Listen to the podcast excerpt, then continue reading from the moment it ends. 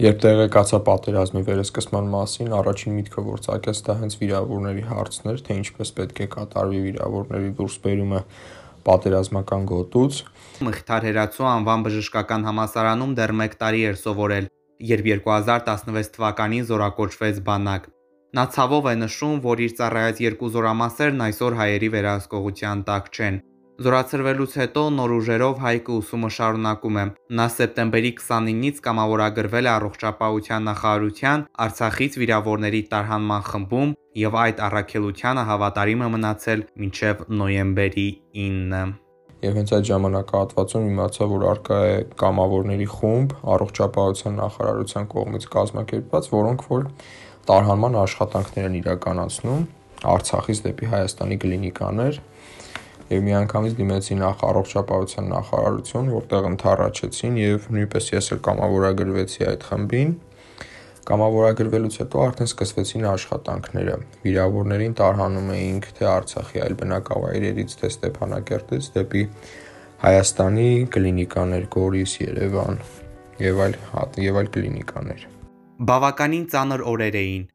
եւ սпасելի էր ընթացքը, եւ անսпасելի։ Հայկը պատկերացնում էր, որ կարող է ամեն ինչ այդպես լինել։ Նա կիսվել է մեզ հետ։ Իրականում շատ ծանր էր, վնասվածքները, անդամախեղումները հիմնականում շատ խորն էին ու ծանր։ Դժվար էր մտածելը, թե հետագայում ինչ կլինի։ Ինձ համար միայն վիրավորների վիճակն էր կարևոր այդ օրերին։ Դե իհարկե, Ստեփանակերտում, Կարմիր շուկայում եւ այլ տեղերում մենք տեսնում էինք այլ իրադրություն, իսկ հետո Հայաստան վերադառնալուց ամբողջովին այլ պաշտոնական տեղեկատվություն էր շրջանառվում։ Բայց դա երբեք մտքներովս չէր անցնի, որ հարցը այսպիսի ծանր լուծում կստանար մեզ համար։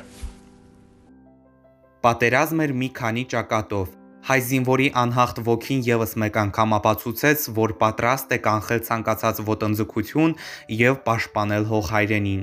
Մարդկանց մեջ էլ շատ բան փոխվեց։ Բժշկական համասարանի ուսանողը կարևոր շեշտադրում է անում։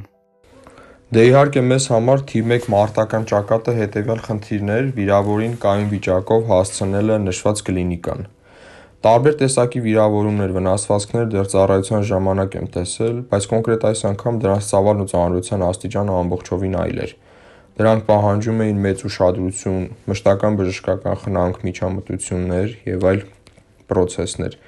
Պատերազմի ընթացքում անկեղծ ասած շատ-շատ մեծացավ եւ ամրապնդվեց կարեկցանքի, խնամք տանելու պարտավորությունը պացիենտի վիրավորի նկատմամբ։ Դե իհարկե ներկա պահին զգացողությունները նույնը չեն ինչպես պատերազմի ժամանակ, սակայն նույնպես հակասական են, շատ տարբեր զգացողություններ եմ ունենում արկա իրավիճակի մասին, բայց ներկա պահին ճիշտ ասած ինձ ամենահուզող հարցը մեր տեղափոխած վիրավորների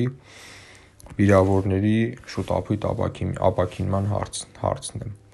Եվ մեծ ուրախություն եմ ապրում, երբ որ տեսնում եմ, որ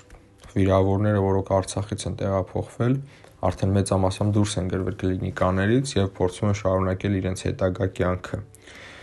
Եվ պետք է ամեն ինչ անենք, որպեսզի այդ մարդիկ նորից ինտեգրվեն, նորից կարողանան իրենց կյանքը դասավորել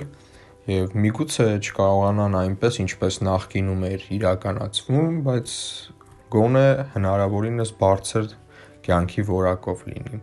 Հայկը նաև պատմում է, որ իրենց խումբը ռեանիմացիոն էր եւ հիմնական վիրավորները ծանր էին եւ անգիտակից։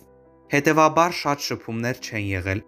բայց կար մի ժամկետային զինծառայող, որ տպվել է իր հիշողության մեջ։ Նա շատ հզոր էր, ինչքան ուժ կար այդ վիրավորված վիճակում նրա մեջ ուրիշ էր, ուղակի կամքի հսկա էր այդ զինվորը, հիշում է Հայկը։ Վով Արզումանյան, Իմ ռադիո